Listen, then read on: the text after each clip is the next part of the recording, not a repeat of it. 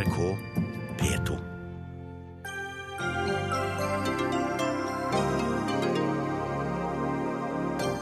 Trenger du nødkirurgi, er det ikke sikkert kirurgene på lokalsykehuset kan hjelpe deg.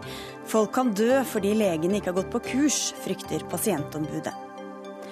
Israel er i ferd med å bli en apartheidstat, og det må regjeringa fortelle presidenten Shimon Peres nå når han er i Norge, mener SV. Kommer aldri til å skje, svarer Frp. Og regjeringa må gjennomføre politikk som ikke kan gjøres om på, sier Høyres Stefan Heggelund. Fint at noen endelig er ærlige på hva Høyre vil, svarer Arbeiderpartiet.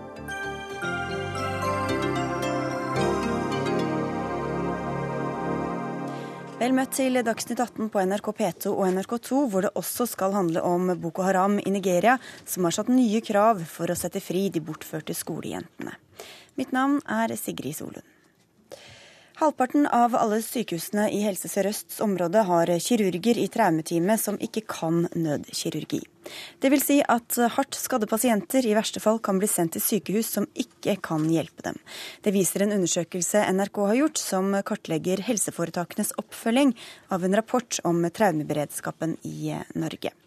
Pasientombud i Akershus, Knut Fredrik Torne, du er opprørt over dette, men hvor alvorlig vil du si det er? Det er alvorlig fordi det kan medføre at pasienter som ellers kunne ha levd, dør. Og Det er klart at det er alvorlig, og det må det gjøres noe med.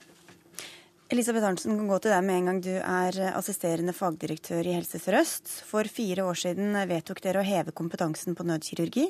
Fortsatt har ikke mer enn halvparten av kirurgene gått på kurs. Hvordan kan det ha seg?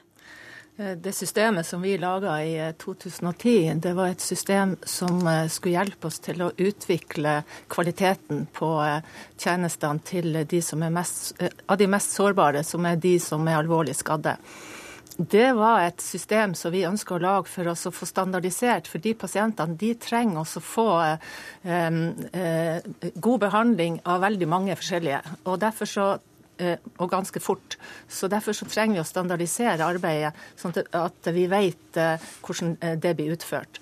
Og I Helse Sør-Øst, RHF, der vi har det overordna sørge-for-ansvaret for alle pasienter, så valgte vi da å gå så langt at vi på, på det regionale nivået utarbeida i lag med helseforetakene kriterier for eh, eh, hvilken standard vi skal ha på tilbudet eh, til de som har traumefunksjon. Hva betyr det? Det betyr at de eh, sykehusene som har akuttfunksjon, eller det vi da kaller traumefunksjon, eh, de må innfri noen krav hvis at de skal i fremtida ha en traumefunksjon. Men de innfrir vel ikke de kravene hvis ikke de har tatt dette nødvendige kurset? Det er ikke bare ett nødvendig kurs. Det er et system som skal sikre at det totalt sett i hele regionen er en kompetanse som skal dekke hele forløpet for de pasientene som er hardt skadde. Og da er det ikke sånn at, sånn som du sa i starten, at om de kan nødkirurgi eller ikke, det, den den forsvarlige delen som skjer i, i kontakt med pasienten, det skjer i helseforetaket. Det vi gjør i på regionalt nivå, det å bidra til at vi får et system i hele regionen. Og Da er det kompetanse, da er det utstyr på, på stuen der det, skal, der det, skal, skje hjelp for de pasientene. Der er det en koordinering av alle de tiltakene som, som vi gjør for at det skal bli god behandling til alle pasientene i hele regionen. Og vi ser at eh, når vi gjør det på den måten, og så setter oss klare mål og, og lager kriterier, så kan vi følge med utviklinga. Det er ikke alle som gjør det. Og vi har jo vært veldig glad for at vi har fått til et system der vi kan følge med utviklinga og se om pasientene eh, blir ivaretatt i et system fra år til år, og den utviklinga går stadig bedre. Jeg vet ikke om jeg skjønte helt det her, men Torne, ble du beroliget av dette? Nei, jeg ble ikke akkurat beroliget. fordi det som er problemet, er jo at uh, Norge ser ut sånn som det gjør. Det er store avstander. Og det er behov for at uh, enkelte pasienter kommer til sitt lokalsykehus for om mulig få stoppa en blødning. Og hvis de ikke har kompetanse til å gjøre det, så dør pasientene. Og da hjelper det ikke at vi har all verdens gode traumebehandlingssteder andre plasser i landet. Vi må ha den rette kompetansen på de riktige stedene. Mm. Og det er det vi ikke har. Vi kan komme tilbake til deg, Arntzen, men gå til deg også først, eh, Olav Røise. Du er professor og traumatolog, og du ledet denne arbeidsgruppa som i 2006 eh, tilrådet denne kompetansehevingen på sykehusene. Eh, bare for å spørre om det først, Hvorfor kan ikke vanlige kirurger utføre den nødvendige nødkirurgien? Jeg tror det er viktig å presisere at det kan de nok kanskje gjøre. Slik at Det betyr ikke at de ikke kan eventuelt nødkirurgi. så Det er veldig viktig å ha klart for seg. Men det som er helt vesentlig, det er at det, det vi foreslo, var at det, skulle, at det skulle stilles kompetansekrav. Og Et av de kravene var at de skal ha nødkirurgikurs for å lære de nødprosedyrene. For det er ikke gitt at eh, de alle sammen som da går i et vaktsystem, eh, kan de aktuelle nødprosedyrene. Og Av den grunn så eh, satte vi som krav at det må de kunne for å kunne bli akseptert som et sted hvor man skulle prøve å stoppe blødninger. For det er helt riktig at alvorlige blødninger, da har det et tidsvindu, og blør du veldig mye, så er det et tidsvindu kortere enn når det blør lite. Og følgelig, så Avhengig av avstander så har du da et problem, reelt sett, dersom de ikke har noen i tidlig fase til å kunne stoppe blødninger. og Derfor så er dette kravet stilt da. Men det betyr altså ikke at sykehusene ikke nødvendigvis har kompetanse, men formalitetene rundt det, den er ikke til stede. Men hva kan skje da, hvis man ikke har den nødvendige kompetansen eh, og prøver å operere en, eh, en person som er i akutt eh, Nei, det, det, er klart at det, da, det, da, vil det kunne skje at du blir stående der, og så klarer du ikke å håndtere det. Og det kan gå utover pasientens liv. Eller at det kan gi komplikasjoner som eh, er ganske alvorlige. Så Det er en reell problemstilling. Men eh, det er også viktig å understreke hyppigheten av dette. Eh, det er ikke slik at dette er det som er regelen rundt omkring i Norge. Det må, liksom, må berolige befolkningen på det, så at de ikke lager dette til langt mer enn det det er. Dessverre så har vi ikke noe tall på hvor, mye problem, eller hvor stort dette problemet for så vidt er. Det er, og det er heller ikke slik at alle pasienter med blødning kan reddes. Eh, og Det er også slik at noen kirurger har mer trening enn andre. Og det, ikke, det, det medfører ikke at en kirurg som da har kurs også, er uansvarlig, gjør noe uforsvarlig fordi man ikke fikser en blødning. Altså, det, er veldig viktig å ha med seg alle disse detaljene også. Men vi vet ikke da hvordan det ligger an om pasienter er dødd f.eks. Det er helt riktig. Og Hvor god kontroll har dere i Helse Sør-Øst da? Ja, Det er jo på denne måten vi eh, sikrer oss kontroll med at vi har laga dette systemet. Sånn Men hvis dere ikke følger opp systemet, hvis dere jo, ikke har gitt den nødvendige kursinga? Ja, Vi følger opp systemet på den måten at, eh, at vi har en koordinator som, og et, et traumesenter i vår region som skal eh, hjelpe og støtte alle helseforetakene og de, traume, de som har traumefunksjon, sånn at de kan få et, et, system som tilfredsstiller alle krav. Men hele tida er det jo eh, nye folk som må kurses. Folk slutter å begynne. Og, og dessuten er det også, har det tatt tid eh, for å bli bevisst på hvordan man skulle bygge opp det her systemet. Men det er på denne måten vi, skal, vi har fulgt med nå fra 2012, 2013 og nå i 2014 om de kriteriene vi har lagt, er hele tida i utvikling til å bli bedre. Herunder den kompetansen da, som vi legger stor vekt på at alle skal få. Men det tar tid. Men nå er det altså åtte år siden du kom med din rapport. Hvordan syns du at dette er blitt fulgt opp? Nei, jeg vil jo si at det er gått for sakte. Det er det i hvert fall ingen tvil om. Det tok jo flere år og med egentlig ganske mye Eh, kontakt for, med de respektive eh, regionale foretakene også for at vedtakene skulle komme. Det tok altfor lang tid, det er det ingen tvil om. Så, så Fagmiljøet har jo ønsket seg at dette skulle gå mye mye raskere. Mm. Og Det er jo definitivt, det er vel en felles opplevelse og en felles forståelse av at det har gått for sakte, tror jeg.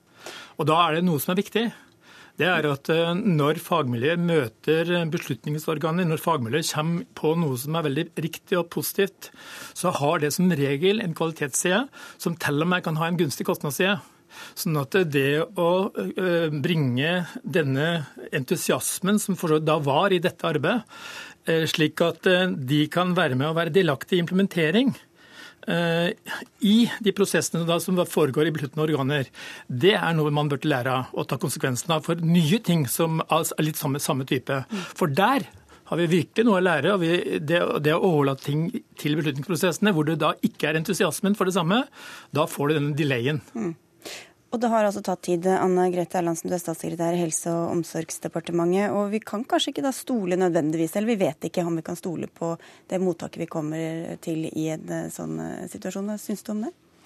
Det som jo viser seg nå, det er at det er for stor ulikhet.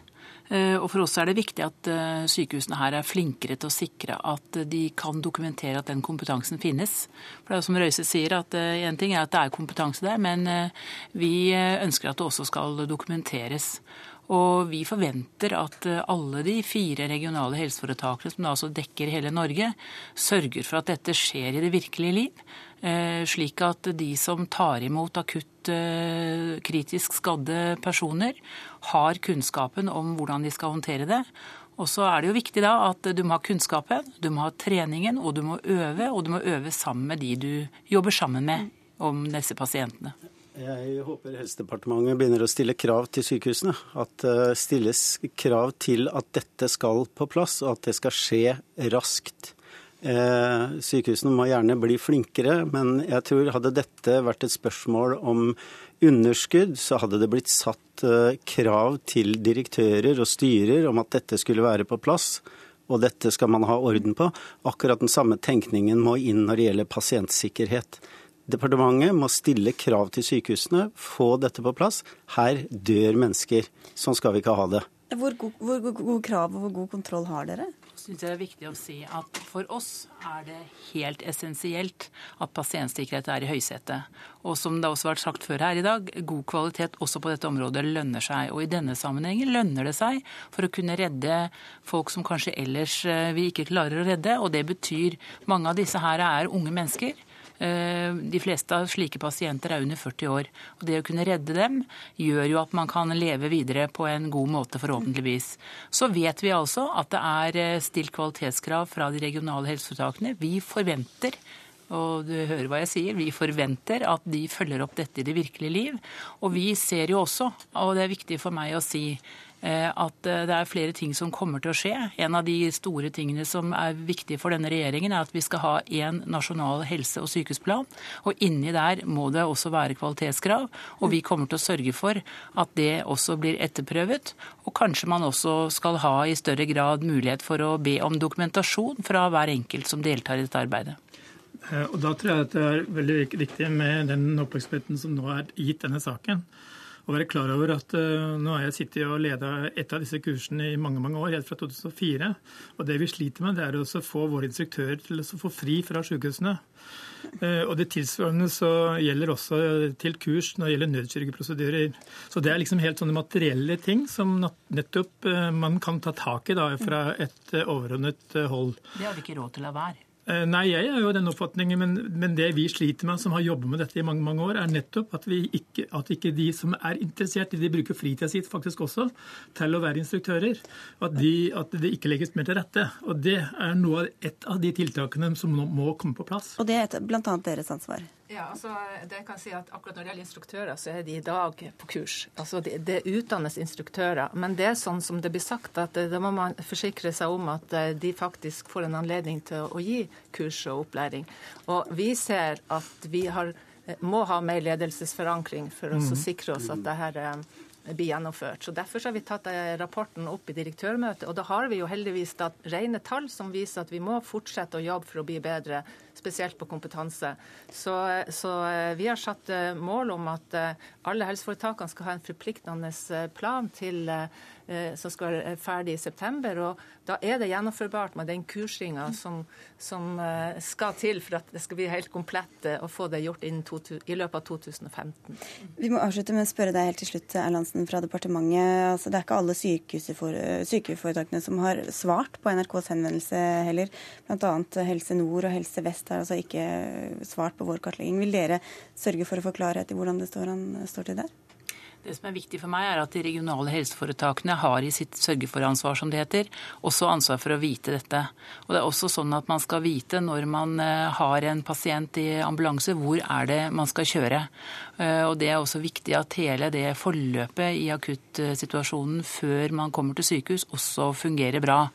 Eh, I mange sammenhenger så vil dette være pasienter som går rett til de store traumemottakene, fordi det er pasienter som blir hentet med, med luftambulanse. Det er bra, eh, men det her forventer vi at det er full oversikt på, og vi forventer også at dette kommer på plass. Så får vi se. Takk skal dere ha i hvert fall for at dere kom til Dagsnytt 18. Pasientombud i Akershus Knut Fredrik Torne, Olav Røis, professor ved Universitetet i Oslo, Anne Grete Erlandsen fra Helse- og omsorgsdepartementet og assisterende fagdirektør ved Helse Sør-Øst, Elisabeth Arntzen. Dagsnytt 18 alle hverdager klokka 18. På NRK P2 og NRK2.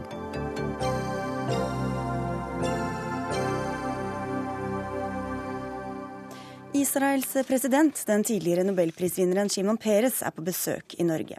Han er allerede blitt møtt med protester, men også hyllest. Og på en pressekonferanse på Slottet i dag sa han at han mener fredsprosessen i Midtøsten ikke er død.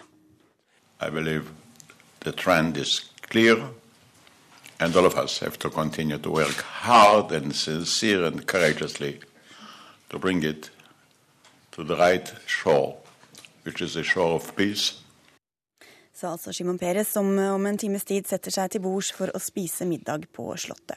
Midtøsten-korrespondent i NRK Sigurd Falkenberg Mikkelsen, hva er og har vært Shimon Peres politiske prosjekt? Ja, Shimon Peres har jo levd et uh, rekordlangt uh, politisk liv. Han var uh, aktiv allerede ved staten Israels opprettelse. og siden så har han vært i makt, alle tenkelige maktposisjoner i Israel. alt fra regjeringssjef til minister og nå president. han har hatt mange forskjellige standpunkter. Det er ikke så lett å finne en rød tråd. alt fra å stå i spissen for det kjernefysiske politiske programmet. Han var aktiv eh, f.eks. For i forbindelsene med Frankrike, da eh, Frankrike, Storbritannia og Israel angrep eh, Egypt. Han har også stått i spissen for bosettingspolitikken, helt til da på 1990-tallet som utenriksminister. Han gikk inn i Oslo-prosessen, tok til orde for en tostatsløsning, fikk fredsprisen for dette, uten at det har hindret ham i å være president f.eks. under to Gaza-kriger, eller også da lansere denne fredens druer, eh, den eh, militære eh, operasjonen i Libanon etter en konflikt med Hizbollah i 1996 da han var statsminister. Sånn er, det er veldig mange fasetter ved Shimon Peres. og Det virker vel for meg som det er mer Israel som sådan som er prosjektet hans, heller enn et, et enkeltstående saksområde. Så må jeg også si at han er en fascinerende figur som har, som har lykkes å holde seg i posisjon så lenge i det råkjøret oppgjøret som israelsk eh, politikk er.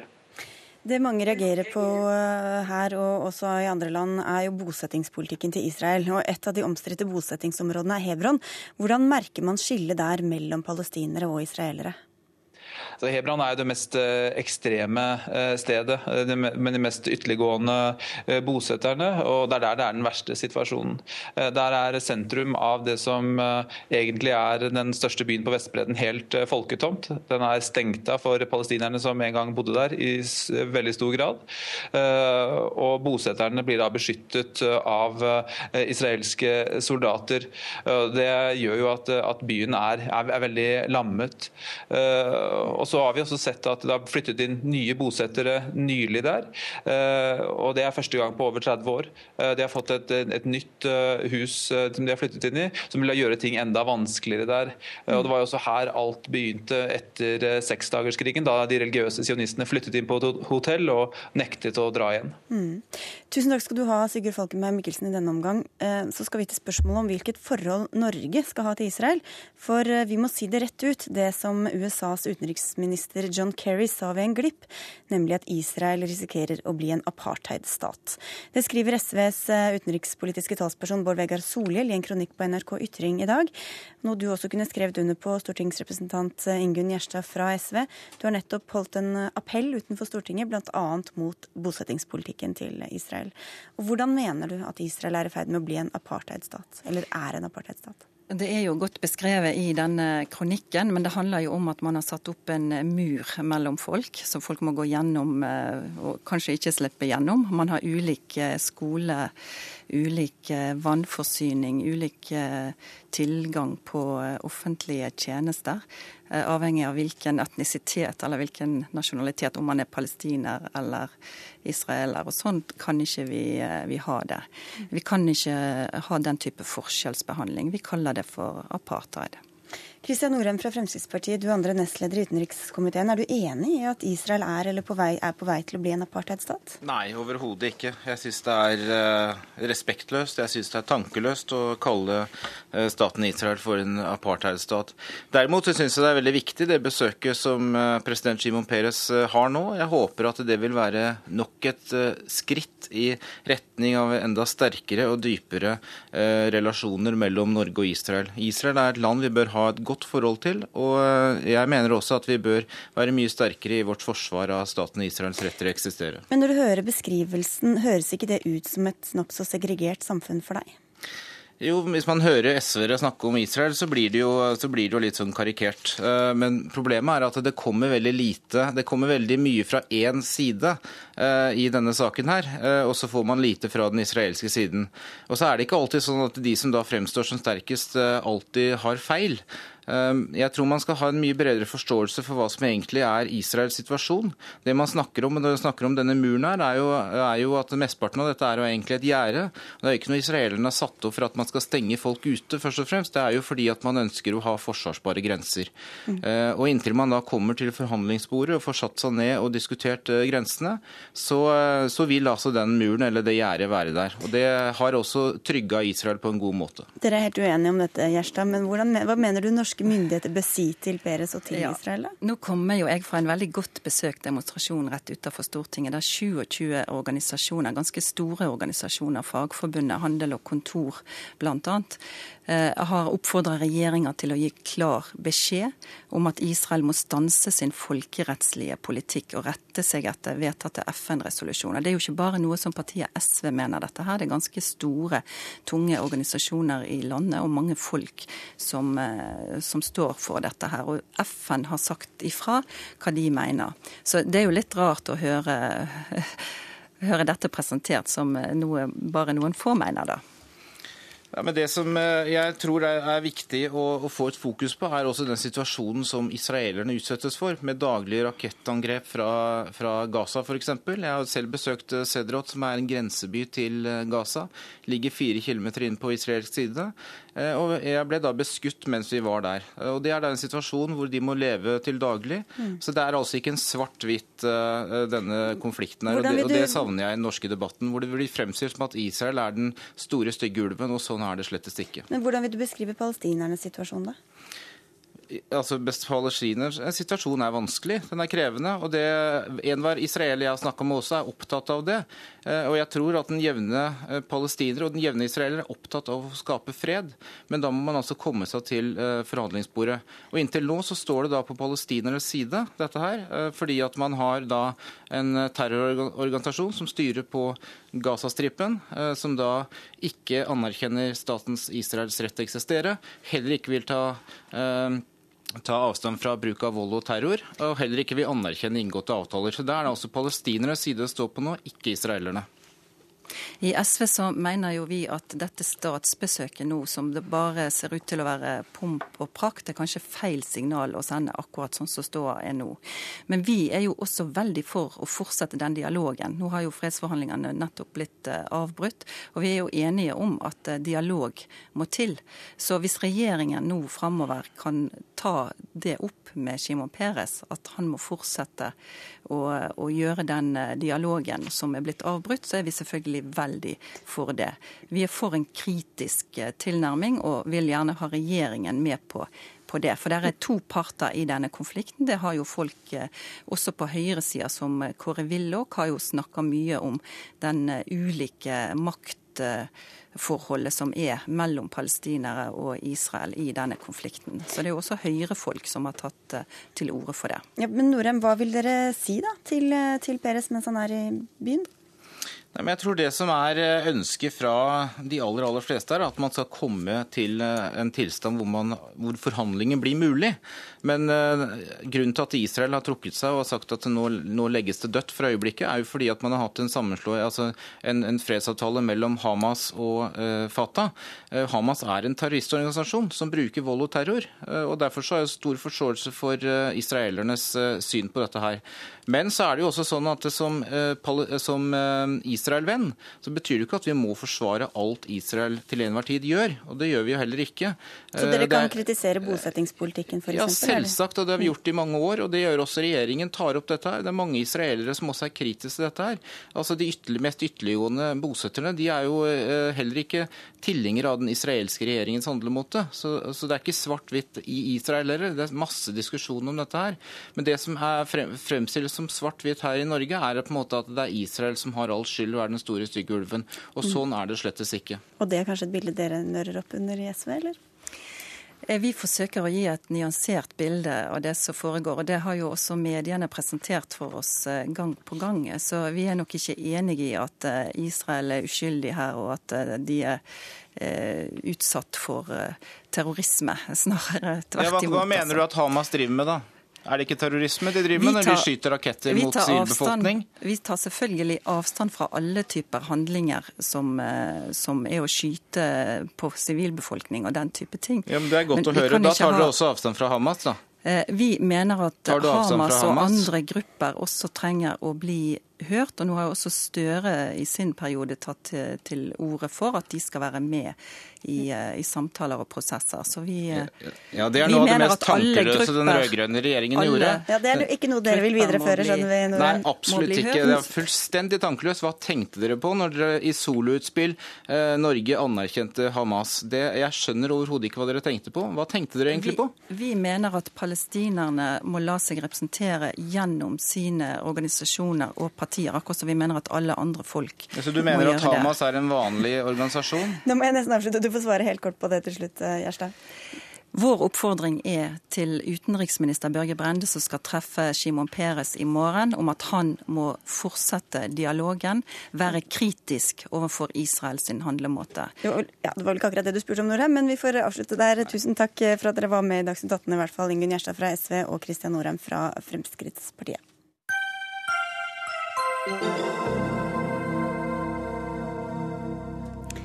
Unge og utålmodige høyrepolitikere kan knapt vente med å dreie samfunnet til høyre, nå som de sitter med makt.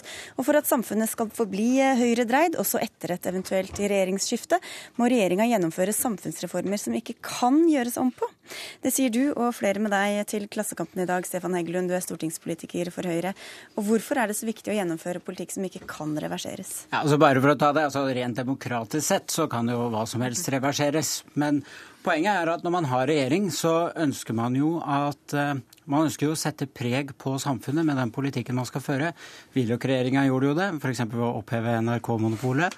Høyre-sentrum-regjeringa gjorde det, f.eks. med Kunnskapsløftet.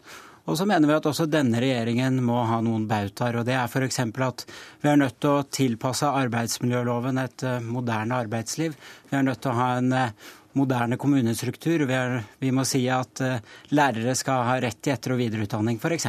Og dette er saker som du sier du kan, men det er vanskelig politisk sett å gjøre om på noe av det hvis det først er Ja, for når man gjør sånne viktige, store endringer, så er det gjerne sånn at det er endringer som står seg. Og jeg er helt sikker på at uh, f.eks. hvis vi gjør disse endringene som vi snakket om nå, så er ikke det noe Arbeiderpartiet kommer til å reversere eller prøve å reversere når de eventuelt kommer tilbake til makten igjen om 12 eller 16 år. 20 eller 50 eller et eller annet. Ja, Marianne Martinsen i Arbeiderpartiet, hva, hva synes du om dette? Du sa det var fint. Hvorfor er det fint at de vil eh, gjennomføre politikk som du er uenig i? Altså det jeg syns er flott, det er jo at, eh, at vi ser høyrepolitikere som endelig tar bladet litt fra munnen og sier høyt at de vil ha en helt annen retning for det norske samfunnet. At de har et annet prosjekt enn det vi har som sier at de gjerne vil flytte makt fra arbeidstakere til arbeidsgivere, som sier høyt at de vil ha mer konkurranseutsetting og privatisering. For at Dette var ting som det ikke alltid var så veldig lett å få tak på gjennom valgkampen, og vi stort sett opplevde en statsministerkandidat som prøvde å mumle seg vekk fra det som var kjente, gamle høyrestandpunkter, og la seg bevisst eh, inn mot sentrum for å tekkes, eh, tekkes velgermassen. For det er jo en lei tendens til at, eh, til at velgere, når de gjenkjenner hardbarka høyrepolitikk, slutter å stemme på Høyre. Og Det tror jeg Høyre sjøl har skjønt. sånn at Dette synes jeg er en fin utvikling. Vi kan få mye bedre politisk debatt ut av det. Men hva syns du om, om de forslagene som de vil gjennomføre, da? Nei, Stort sett så er jo det forslag som er ganske gjenkjennelige. Altså det, er jo, det, det, er jo, forslag som, som går fint inn i Høyre-tradisjonen. De, de, vil jo f.eks. Eh, redusere skattenivået kraftig. Jeg tror på å skape vekst gjennom fordeling. Høyre tror på å skape vekst gjennom skattekutt til de aller rikeste og vil ha et varig lavere skattenivå. Det er jo en tung ideologisk skillelinje mellom oss. Jeg syns det er flott at vi får åpne debatter om dette her. Kan jeg bare få lov til å si at dette er grunnen til at det kommer til å ta tid før Arbeiderpartiet kommer til å komme tilbake i regjering. Fordi at eh, jeg blir så overrasket når jeg hører denne argumentasjonen fra Arbeiderpartiet. at eh, ja, de tar Norge i en annen retning. Altså, det er en grunn til at vi er et demokrati med flere partier, og at eh, velgerne også ønsket en annen regjering. Og det ble jo et ganske kraftig og solid borgerlig flertall. Så, men jeg har lyst til å ta et eksempel. fordi for eksempel Når hun snakker om at vi vil ta makt fra arbeidstagere og gi til arbeidsgivere. Altså Det er jo litt pussig. Jeg har faktisk med meg noe i dag et uh, oppslag fra Solabladet. Og Sola kommune ved, ved deres da, avdeling for uh, helse og rus, hvor de har en turnusordning som ansatte og brukere er fornøyde med, og, og som fungerer. Dette er en debatt vi har hatt mange ganger her jo, i Dagsnytt 18 også. Jo, men dette er litt viktig, men dette er så viktig at man kan godt gjenta det litt. Fordi at nå går den turnusordningen ut i september, og da sier fagforeninga sentralt at de vil ikke godkjenne det. Og Det er jo litt merkelig når de ansatte vil ha det, og de mener at det er mest for brukerne. Men det er altså en politikk som, som Marianne Martinsen støtter, og som vi vil gjøre noe med. Men det som jeg lurer på, er det, Marianne Martinsen, er du redd for at de vil innføre uh, endringer som rent praktisk blir vanskelig å gjøre om på, eller at folk skal liksom si seg fornøyd med dem, og så var det ikke egentlig det dere ville, men det funka så bra at dere altså, ville ikke gjøre på det. Mye av grunnen til at vi kjemper så busta fyker om regjeringsmakt hvert eh, fjerde år, er jo at du styrer samfunnsutviklingen gjennom å sitte i regjering. Og en god del ting kan man enkelt reversere. Altså, vi reverserte friskoleloven, vi reverserte den uthulinga av arbeidsmiljøloven som lå der da vi tok over i 2005. Men, men, det er klart at, at, over tid så endrer samfunnet seg i takt med den politikken som gjennomføres. Vi kan f.eks. se til Sverige, hvor de har hatt en helt annen privatskolepolitikk enn det vi har hatt i Norge gjennom veldig, veldig mange år nå. Og Der ser man jo at man har fått det systemet med A- og B-skoler som vi har advart mot. Et veldig segregert skolesystem. Nå har du bydeler i Stockholm hvor mer enn halvparten av elevene på videregående går på privatskoler, og resultatene faller som en stein. Og Da har man en diskusjon da, om hvordan er det man skal komme seg ut av dette. Men når privatskolene står der, når, eh, når tillatelsene til å drive dem er gitt, og det offentlige skoletilbudet er bygd ned parallelt, så er det selvfølgelig vanskelig å komme tilbake dit hvor man var, selv om man skulle ønske det. Hvordan mener du at regjeringa bør prioritere og legge vekt på disse varige endringene, og med tanke på når de gjør hva de nærmeste årene? Nei, jeg mener jo at det er lurt å sette i gang så fort som mulig, slik at man får endringer som faktisk setter seg. Det gjelder både når det gjelder arbeidsmiljø det gjelder... Setter seg at folk blir vant til det, eller eh, hva tenker du på? Det? Ja, men for eksempel, bare, og nå skal jeg ikke, Siden jeg har lovet å ikke snakke så mye om arbeidsmiljølov, så skal jeg men bare for eksempel, da, altså Hvis man gjør en endring ved arbeidsmiljølov, så er det en så er det sånn at en slik endring setter seg. F.eks. når eh, man eh, i forrige periode vedtok sammen en del tiltak mot sosial dumping, så er det også ordninger som setter seg i arbeidslivet. Så, så, det, er jo, så det, er jo, det, er jo, det vi mener, at vi må gjøre dette så raskt som mulig. Men gjøre det grundig allikevel, slik at disse kan stå seg for fremtiden. Mm. Altså Dette står jo veldig kontrast til det som var tonen fra f.eks. Erna Solberg gjennom valgkampen. Jeg husker veldig godt Hun satt i Politisk kvarter i begynnelsen av 2013 og ble spurt om hva hun ønska for Norge dersom hun skulle vinne valget. Og Hun sa f.eks. at det blir ingen revolusjon. Det blir noen skritt i en retning som gir mer maktspredning og mangfold. Jeg mener at det er viktig i vårt samfunn å gjøre ting gradvis. Eh, så, så eh, altså Våre beskyldninger om at Høyre mumla seg gjennom valgkampen og ikke var villig til å snakke høyt om høyrepolitikk, eh, viste seg jo gjennom flere anledninger å være riktig. Men kan det hende at Heggelund har litt dårligere tid enn det Erna Solberg har? Jeg tror Høyre har ganske dårlig tid. Jeg syns det er flott at de, at de, sier det høyt. For jeg fikk et slags inntrykk av at de ville innføre høyrepolitikk så sakte at folk ikke merka det. Fordi, fordi, hvis de gjør det for fort, så, så, blir det protester av det. Fordi at folk ønsker seg jo i hovedsak mer fellesskapsorienterte løsninger Eh, i, i Norge. Okay. Det viser jo, viser jo, meningsmålinger og, og underlagsmateriale. Bare, bare, ikke valgresultatet, da. Nei, ikke sant. Men jeg mener jo at f.eks. det å gi en servitørsko Altså et, et sted hvor de faktisk kan utdanne servitører i Oslo, det fins, men de får altså ikke lov til å utdanne servitører fordi det er privat. Så sier jeg fordi, fordi, at det ikke er, fordi at det ikke er en religiøs skole. Det å gi dem lov til å gjøre det selv om de ikke er religiøse, jeg vil ikke kalle det en revolusjon, jeg vil kalle det et tiltak for å få flere lærlingeplasser. Men bare for å spørre deg helt til slutt, Stefan Heggelund. Er det noen, noe politikk dere tidligere har vedtatt, men ikke fått gjennomslag for, som du i dag er ganske glad for at dere ikke liksom kjørte gjennom? Ja, altså, Jeg er litt usikker på hva du tenker på. jeg tenker på Hvis du skal skynde deg inn med politikken, så hender det jo at nei, man... men altså, det å skynde seg betyr ikke nei, nei, men det å skynde seg betyr ikke at man ikke skal være grundig og gjøre det skikkelig og ha brede prosesser. Det er også en forutsetning for at ting faktisk skal sette seg skikkelig. Dere vil endre friskoleloven og privatisere konkurranseutsette raskt som juling for at dette skal bli irreversibelt? Vi skal ha gode prosesser, og jeg syns det er litt rart den selvmotsigelsen som kommer fra Arbeiderpartiet og Marianne Martinsen, nemlig at vi mumlet oss gjennom valgkampen, men det er allikevel gjenkjennelig det vi nå står for. Det er en selvmotsigelse. Det henger ikke på greip. Vi mumlet oss, vi mumlet, vi mumlet oss, ikke, vi mumlet oss ikke gjennom valgkampen, og vi fikk et solid borgerlig flertall fordi at velgerne faktisk har lyst på en forandring. Dere må dessverre fortsette utenfor her. Vi er nødt til å takke av. Tusen takk for at dere kom, i hvert fall Stefan Høyglund fra Høyre og Marianne Martinsen fra Arbeiderpartiet.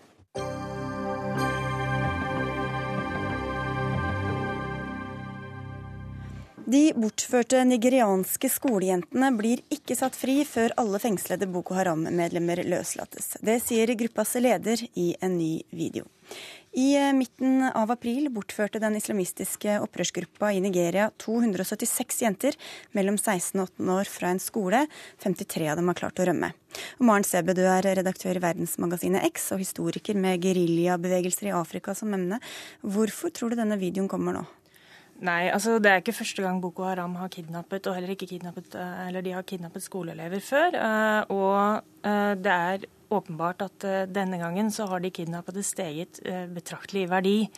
Av internasjonal oppmerksomhet? På grunn av den internasjonale oppmerksomheten så har det blitt et bedre forhandlingskort, rett og slett.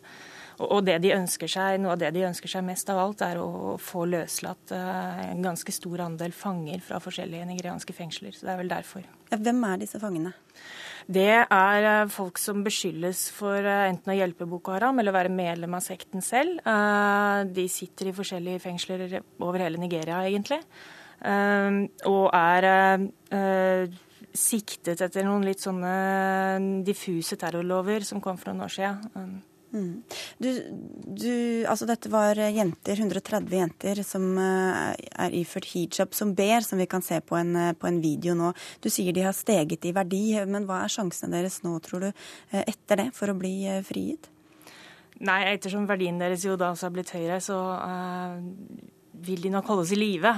og det er jo positivt på en måte, men samtidig så kan det jo være vanskeligere å få de løs. Uh, Boko Haram har i flere år levd av delvis løspenger og, og andre måter å, å, å, få penger ut av lokalsamfunnet på. Uh, og uh, så høy prisen nå blir for dem, så, så, kan jo det tyde på at det kan trekke ut langvarig. Mm. Det ble for en uke siden eh, sluppet en video fra Boko Haram hvor eh, de sa at jentene skulle konvertere til islam og giftes bort. Hva var meningen med den videoen, tror du? Der snakket kanskje Abu Bakr Shakau, som snakka i den videoen, mer til hjemmepublikummet eh, og til da de strømningene i radikal islam som, som finnes i Nord-Nigeria. Eh, denne kampen mot vestlig utdanning og kampen mot sekularisering og kampen mot rett og slett staten Nigeria eh, tar jo denne formen av antimodernisme. Så i utgangspunktet så var kanskje det planen, men, men, som sagt, etter at de har steget såpass mye verdi, så, så vil han ha mer for det. Det har kommet kritikk mot nigerianske myndigheter i håndteringa. Hvordan vil du si at de har eh, takla dette? Svært dårlig. Eh, det, for det første så gikk det jo veldig lang tid før man fikk noen opplysninger om hvor mange, hvem de var osv. Eh, foreldre var jo fortvilte og forsøkte å organisere seg. Det var jo et press fra nigerianerne selv som, som gjorde at man etter hvert fikk flere opplysninger om hvem disse jentene var. Ehm, og, og, hvorvidt det pågikk forhandlinger, og, og hva, hva, nigerianske myndigheter visste. Uh, det er ikke nødvendigvis så mye de visste heller. Uh, sikkerhetsstyrkene deres er ikke spesielt gode på dette her, De og holdt på med en kampanje mot Boko Haram veldig lenge, og virker ikke å ha noe særlig kontroll. Da skal vi til deg, Espen Barth Eide. Du er direktør i World Economic Forum, og dere tok opp denne bortføringa på World Economic Forum on Africa før eh, helga, hvor du bl.a. snakket med Nigerias president Goodluck Ebele Jonathan. Og de har fått kritikk for å ha gjort for lite. Hvordan ser de på dette selv? Ja, De sier jo at de gjør det de kan. Eh, det vil man jo forvente at de sa. Jeg er jo enig med Maren Sebø i hvert fall i at eh, det begynte dårlig, og at eh, mediehåndteringen fra myndighetenes side var lite imponerende den første tiden. Men så skal man også være klar over at i slike situasjoner som vi jo nå vet er en gisselsituasjon, så er det ikke alltid slik at man kan fortelle alt man driver med. Så det er ikke nødvendigvis slik at det at man ikke forteller veldig mye av hva man engasjerer seg i, betyr at man ikke gjør noen ting. Og per i forrige uke, da jeg var der hele, omtrent hele uken og snakket mye med både presidenten og flere andre statsråder i Nigeria, så virket det som de så på dette som den altoverskyggende viktigste saken for dem å løse. Eh, og Det er klart det har noe med den, det internasjonale presset å gjøre, men det er også et veldig veldig engasjement i hele Nigeria i dette. Og, og, det, og, og, Hjemme hører vi kanskje mye om den internasjonale, men dette er en veldig stor sak som også er sterkt politisert eh, i Nigeria. Fordi den selvfølgelig også brukes av de som i utgangspunktet er skeptiske til Goodluck Jonathans uh, uh, regjeringsførsel. I, I, denne kampanjen som vi har vært inne på, 'Bring Back Our Girls', eh, som har fått mange prominente budbringere, bl.a. Michelle Obama. Hvordan, hvordan, blir den mottatt eh, hos nigerianske myndigheter? Til å begynne med så, så de den som, eh, som, regjeringsfiendtlig eller regjeringskritisk. og Det mener jeg var en veldig uheldig vurdering i løpet av uka som gikk. og jeg vil tillate meg å si Kanskje med litt bistand fra oss, som jo hadde et veldig stort møte og med uh, i Nigeria mens dette sto på som verst, så, så de, vendte de det til egentlig å gå selv inn i denne kampanjen og bli en del av det. og denne hashtag Bring Back Our Girls-kampanjen ble også en del av den offisielle kommunikasjonen i løpet av forrige uke. Det var interessant og etter min mening også lurt, for dette er naturligvis et mål som både folk og regjeringen og utlandet må stå sammen om. Og Så kom det jo også, delvis i forbindelse med arrangementet vårt, en del eh, løfter om eh, økt bistand, eh, både fra USA og andre vestlige land, men interessant nok også fra Kina. Kinas statsminister var med på møtet, og, og, og, og i forbindelse med det ble det også lovet kinesiske bidrag. Trenger de den hjelpen? De ønsker den i hvert fall varmt velkommen. Jeg tror den, i hvert fall en del type teknisk etterretning er noe som andre land kan bidra med utover det Nigeria har selv. Men når det gjelder eh, såkalt menneskelig etterretning på bakken, så er det nok først og fremst eh, Nigeria selv som må stå for det. Jeg har ikke inntrykk av at det er eh, mange land som har tenkt å sende folk inn i, inn i, i skogen for å lete etter disse jentene. Men jeg har lyst til å si at det, er viktig, at det nå er tydelig at Boko Harams leder ser på jentene som et forhandlingskort, det er bra for jentene.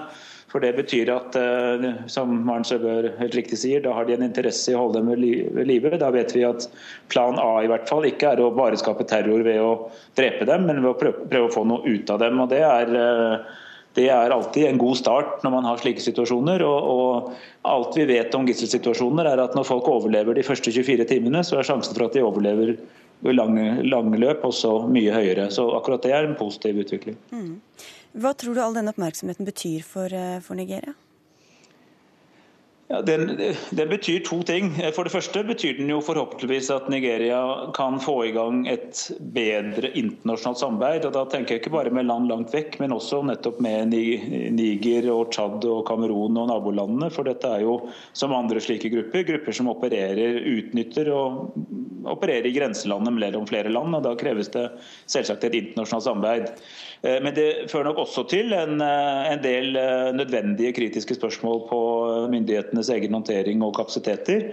og Derfor så ble jo dette et veldig viktig bakteppe for alle de diskusjonene vi hadde i forbindelse med vårt møte i Nigeria, nettopp om hvordan man kan få til en mer inkluderende vekst i både Nigeria og Afrika. Hvordan man kan styrke institusjoner, hvordan man kan sørge for at uh, man skaper arbeidsplasser ut av alle de pengene man nå får inn bl.a. på oljeinntekter. Så, fordi Det som er veldig viktig å si, og som ble sagt av mange som kan mye om dette, og som var til stede, er at selv om du selvfølgelig kan kreve både politi- og militærinnsats for selve frigjøringen, så er ikke dette et problem man i bunn og grunn skyter seg ut av. Dette er et problem som krever mye dypere tilnærming, bl.a. i hvordan staten er til stede og hva de gjør i dette området.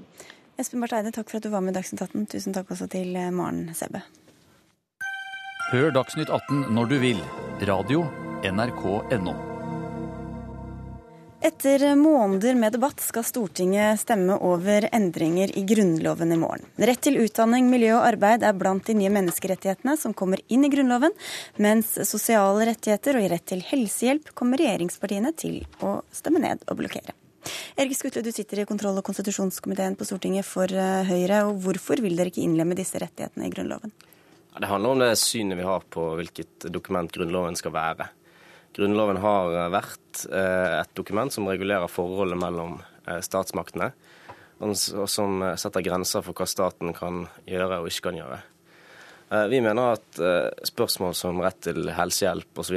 det er spørsmål som hører hjemme i den ordinære lovgivningen budsjettgivningen og de ordinære budsjettene. Mm. Det mener ikke du, Jette Christensen. Du sitter i den samme komiteen for Arbeiderpartiet. Du sier at Høyre og Frp går på jobb i morgen for å svikte framtida. Ja, jeg mener at de gjør det. Grunnen til at jeg mener det, er fordi at når man skal innlemme flere menneskerettigheter i Grunnloven, så har man et valg. Enten å gjøre det eller ikke gjøre det. Og at Høyre først og fremst argumenterer mot å ta inn eh, de økonomiske, sosiale og kulturelle eh, menneskerettighetene i Grunnloven, men så velger å ta inn noen. Det syns jeg er veldig spesielt. For Høyre har valgt seg ut noen som er veldig vanskelig politisk i dag å argumentere mot. De har valgt å ta inn f.eks. retten til utdanning. Det er selvsagt for, eh, for en stat som ønsker at alle skal ha muligheten til å benytte seg av ytringsfriheten.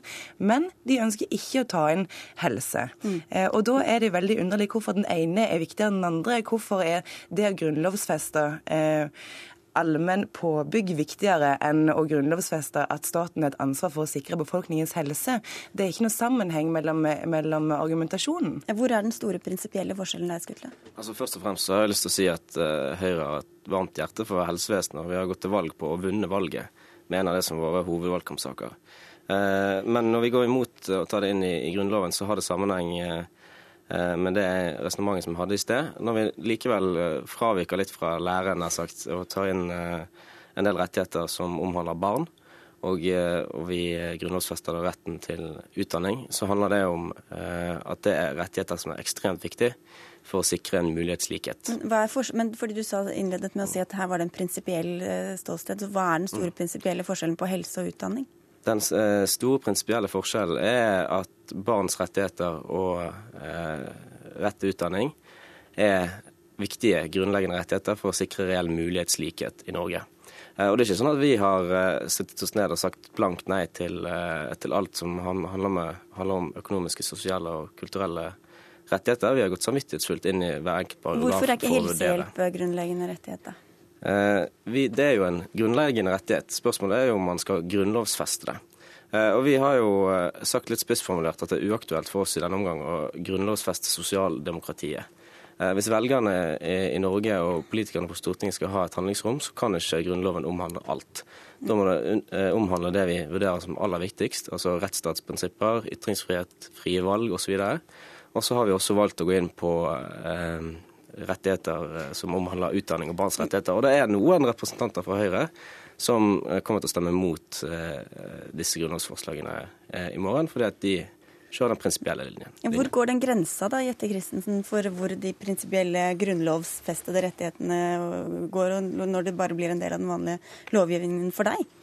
At, um vi er nødt for å ta inn de rettighetene som eh, vi har foreslått, for å sikre at Grunnloven sine bestemmelser skal gjelde alle, ikke bare noen. Og Derfor er helse så viktig.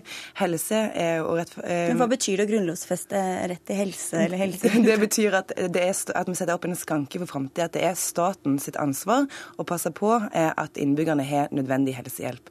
Det blir internasjonalt sett på som en grunnleggende menneskerettighet. Det er noe som vi har forpliktet til internasjonalt. Det er like viktig og fundamental menneskerett, eh, og kanskje til og med viktigere enn utdanning, som Høyre har valgt å gå inn på. Sånn at eh, den prinsipielle linja her, den er ikke så veldig til stede.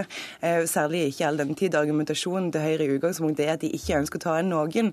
Men for meg og Arbeiderpartiet så er det viktig at alle bestemmelsene som står i Grunnloven, skal gjelde absolutt alle. Og da er vi nødt for å sette alle borgerne i landet vårt i stand til å ta imot og nyte den friheten som vi har lyst til å gi dem gjennom Grunnloven. Gjennom å passe på at alle har helse til det, og alle har utdanning. Og Hvorfor er rett til helse sosialdemokratiet, Skutle? Helse er en av flere vi, eh, bestemmelser som vi går imot. Eh, og vi er for en, en, eh, velferdsstat i Høyre. Vi har som sagt gått til valg på, på bl.a. å styrke helsevesenet, hvilket vi har gjort. Men, det, det men liksom du, du kalte det sosialdemokrati i stad. Dere skal ikke vedta grunnlovfeste sosialdemokratiet? Nei, det ønsker vi ikke å gjøre.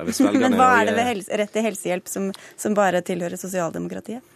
Eh, som, det er mange mange paragrafer som vi skal stemme over i morgen. Rett til helse er en av ganske mange økonomiske, sosiale og kulturelle rettigheter som vi kommer til å stemme ned. Vi stemmer ned de fleste av de. Men hvorfor er eh, det sosialdemokrati å ha rett til helsehjelp?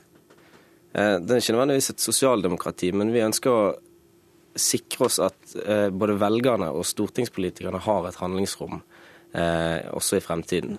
Og sørge for at de som vinner stortingsvalget i Norge, har en reell mulighet til å peke ut en annen kurs. Mm. Eh, og Da må vi rett og slett være varsomme med hva man tar inn i Grunnloven. Det kreves to tredjedels flertall i to påfølgende stortingsperioder for å endre Grunnloven. Det i sjøl er et argument for å være svært, svært varsom med å endre eh, paragrafer i Grunnloven. Og Når vi har, velger å gjøre som eh, vi gjør, så er det som sagt fordi at vi mener at barns rettigheter og rett til utdanning det er essensielle rettigheter når det kommer til mulighetslikhet. Det er så viktig for oss at der går vi faktisk inn og vekk bryter med prinsippene. Vekk fra prinsippene og. Eh, går inn for å, for grunnlovfeste det. Men så har utgangspunktet vårt vært at vi skal være veldig veldig varsomme med å grunnlovfeste noe som går på statens kapasitet. Ok, Så dere prøver å binde opp framtidige regjeringer Jette Christensen, til å følge opp uh, Arbeiderpartiets politikk? Framtidens politikere står akkurat like fritt som vi gjør til å fatte like gode eller like dårlige dårlige prioriteringer eh, Hva. Men da huler du bare ut hele Grunnloven, da? Nei, eh, det politiske handlingsrommet er der. Eh, politikk skal det fortsatt være, men Grunnloven skal sette grenser for ikke politikkutforming, men for maktutøvelse og misbruk av makt. Eh, og det å prioritere seg vekk fra eh, innbyggernes helse og ta ansvar for det, det er ikke makt jeg ønsker at framtidens politikere skal ha. For det er ikke politikk å gjøre det, det er misbruk av makt. Det er noen ting og noen menneskerettigheter som vi har forpliktet oss til internasjonalt, så er viktig å også ta inn i Grunnloven. Og helse er jeg ville sagt vel så viktig eh, å si at det er framtidens politikere ansvar å se til eh, at det er i orden, som eh, videregående ut, eh, utdanning, f.eks. Ja, og Der er vi inne på det, den fundamentale uenigheten. Altså, det å skulle kutte ned på helse, det er dårlig politikk, det tror vi begge er enige om. Men at det er maktmisbruk, det er det neppe. Uh, ufrie valg er maktmisbruk, og derfor stemmer vi for det og mot helsehjelp. Eller stemmer litt forskjellig der. Vi får se. Det blir en spennende avstemning i morgen. Tusen takk for at dere tok debatten også her i Dagsnytt 18 i dag.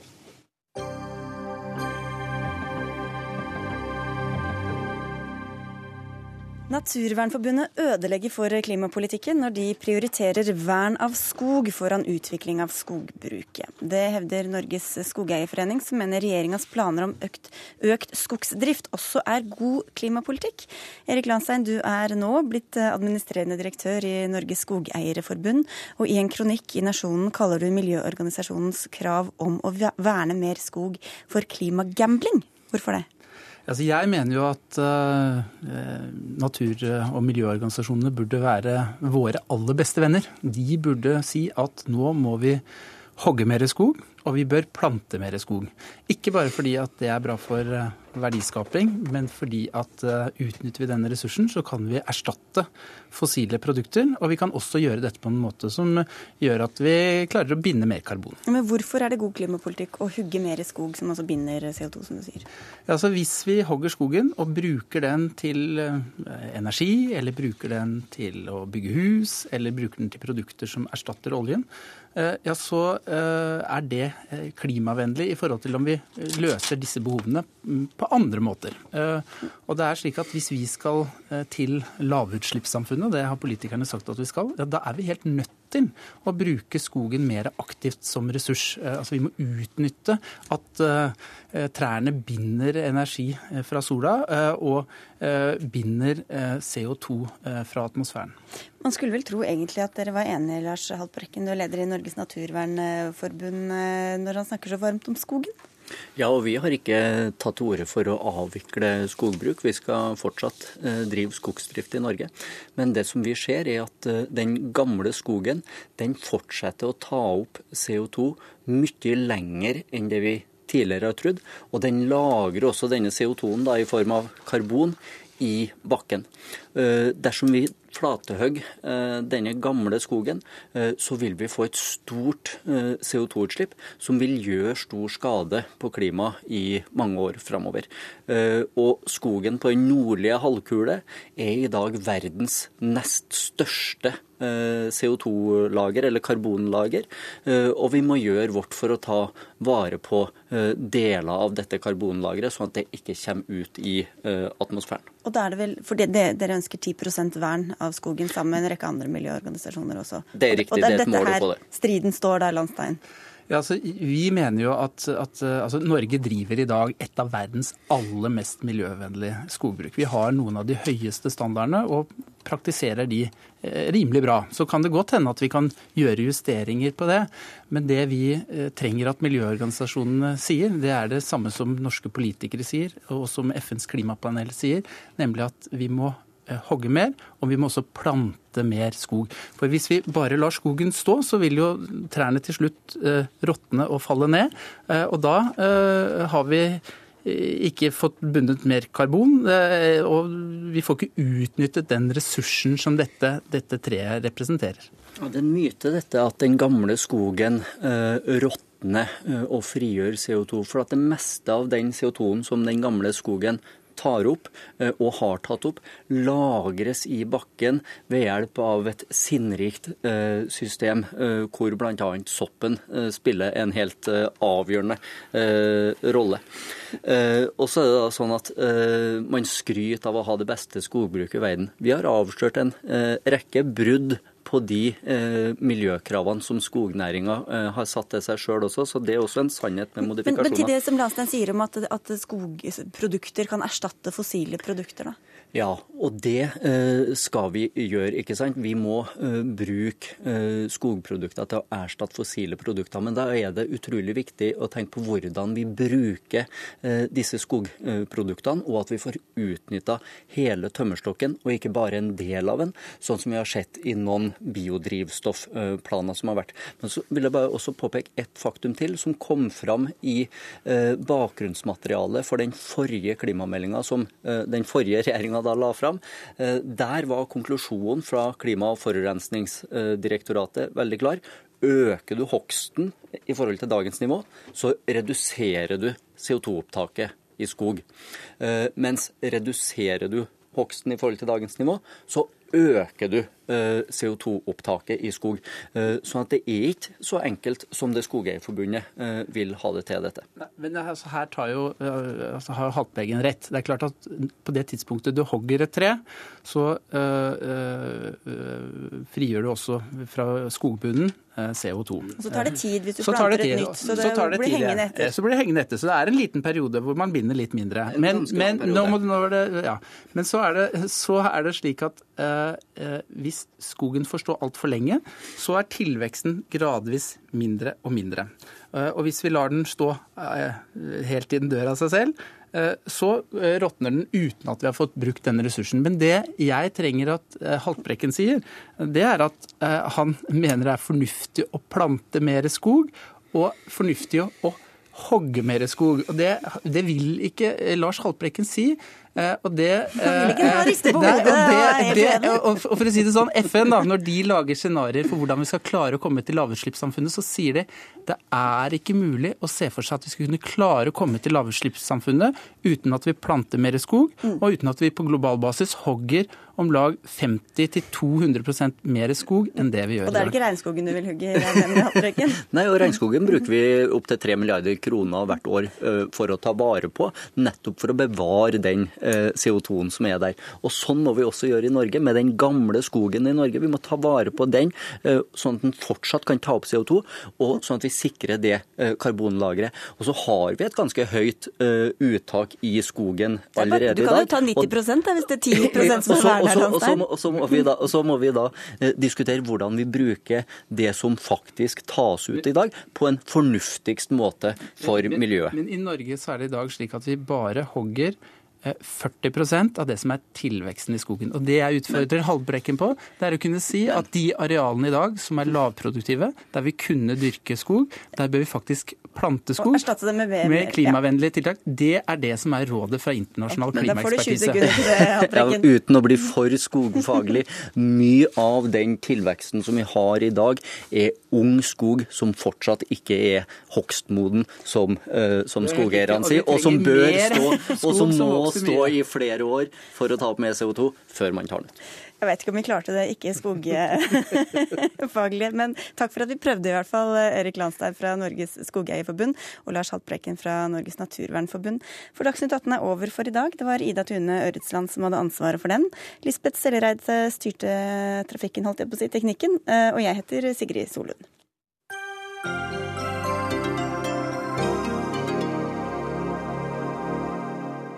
Hør flere podkaster på nrk.no podkast.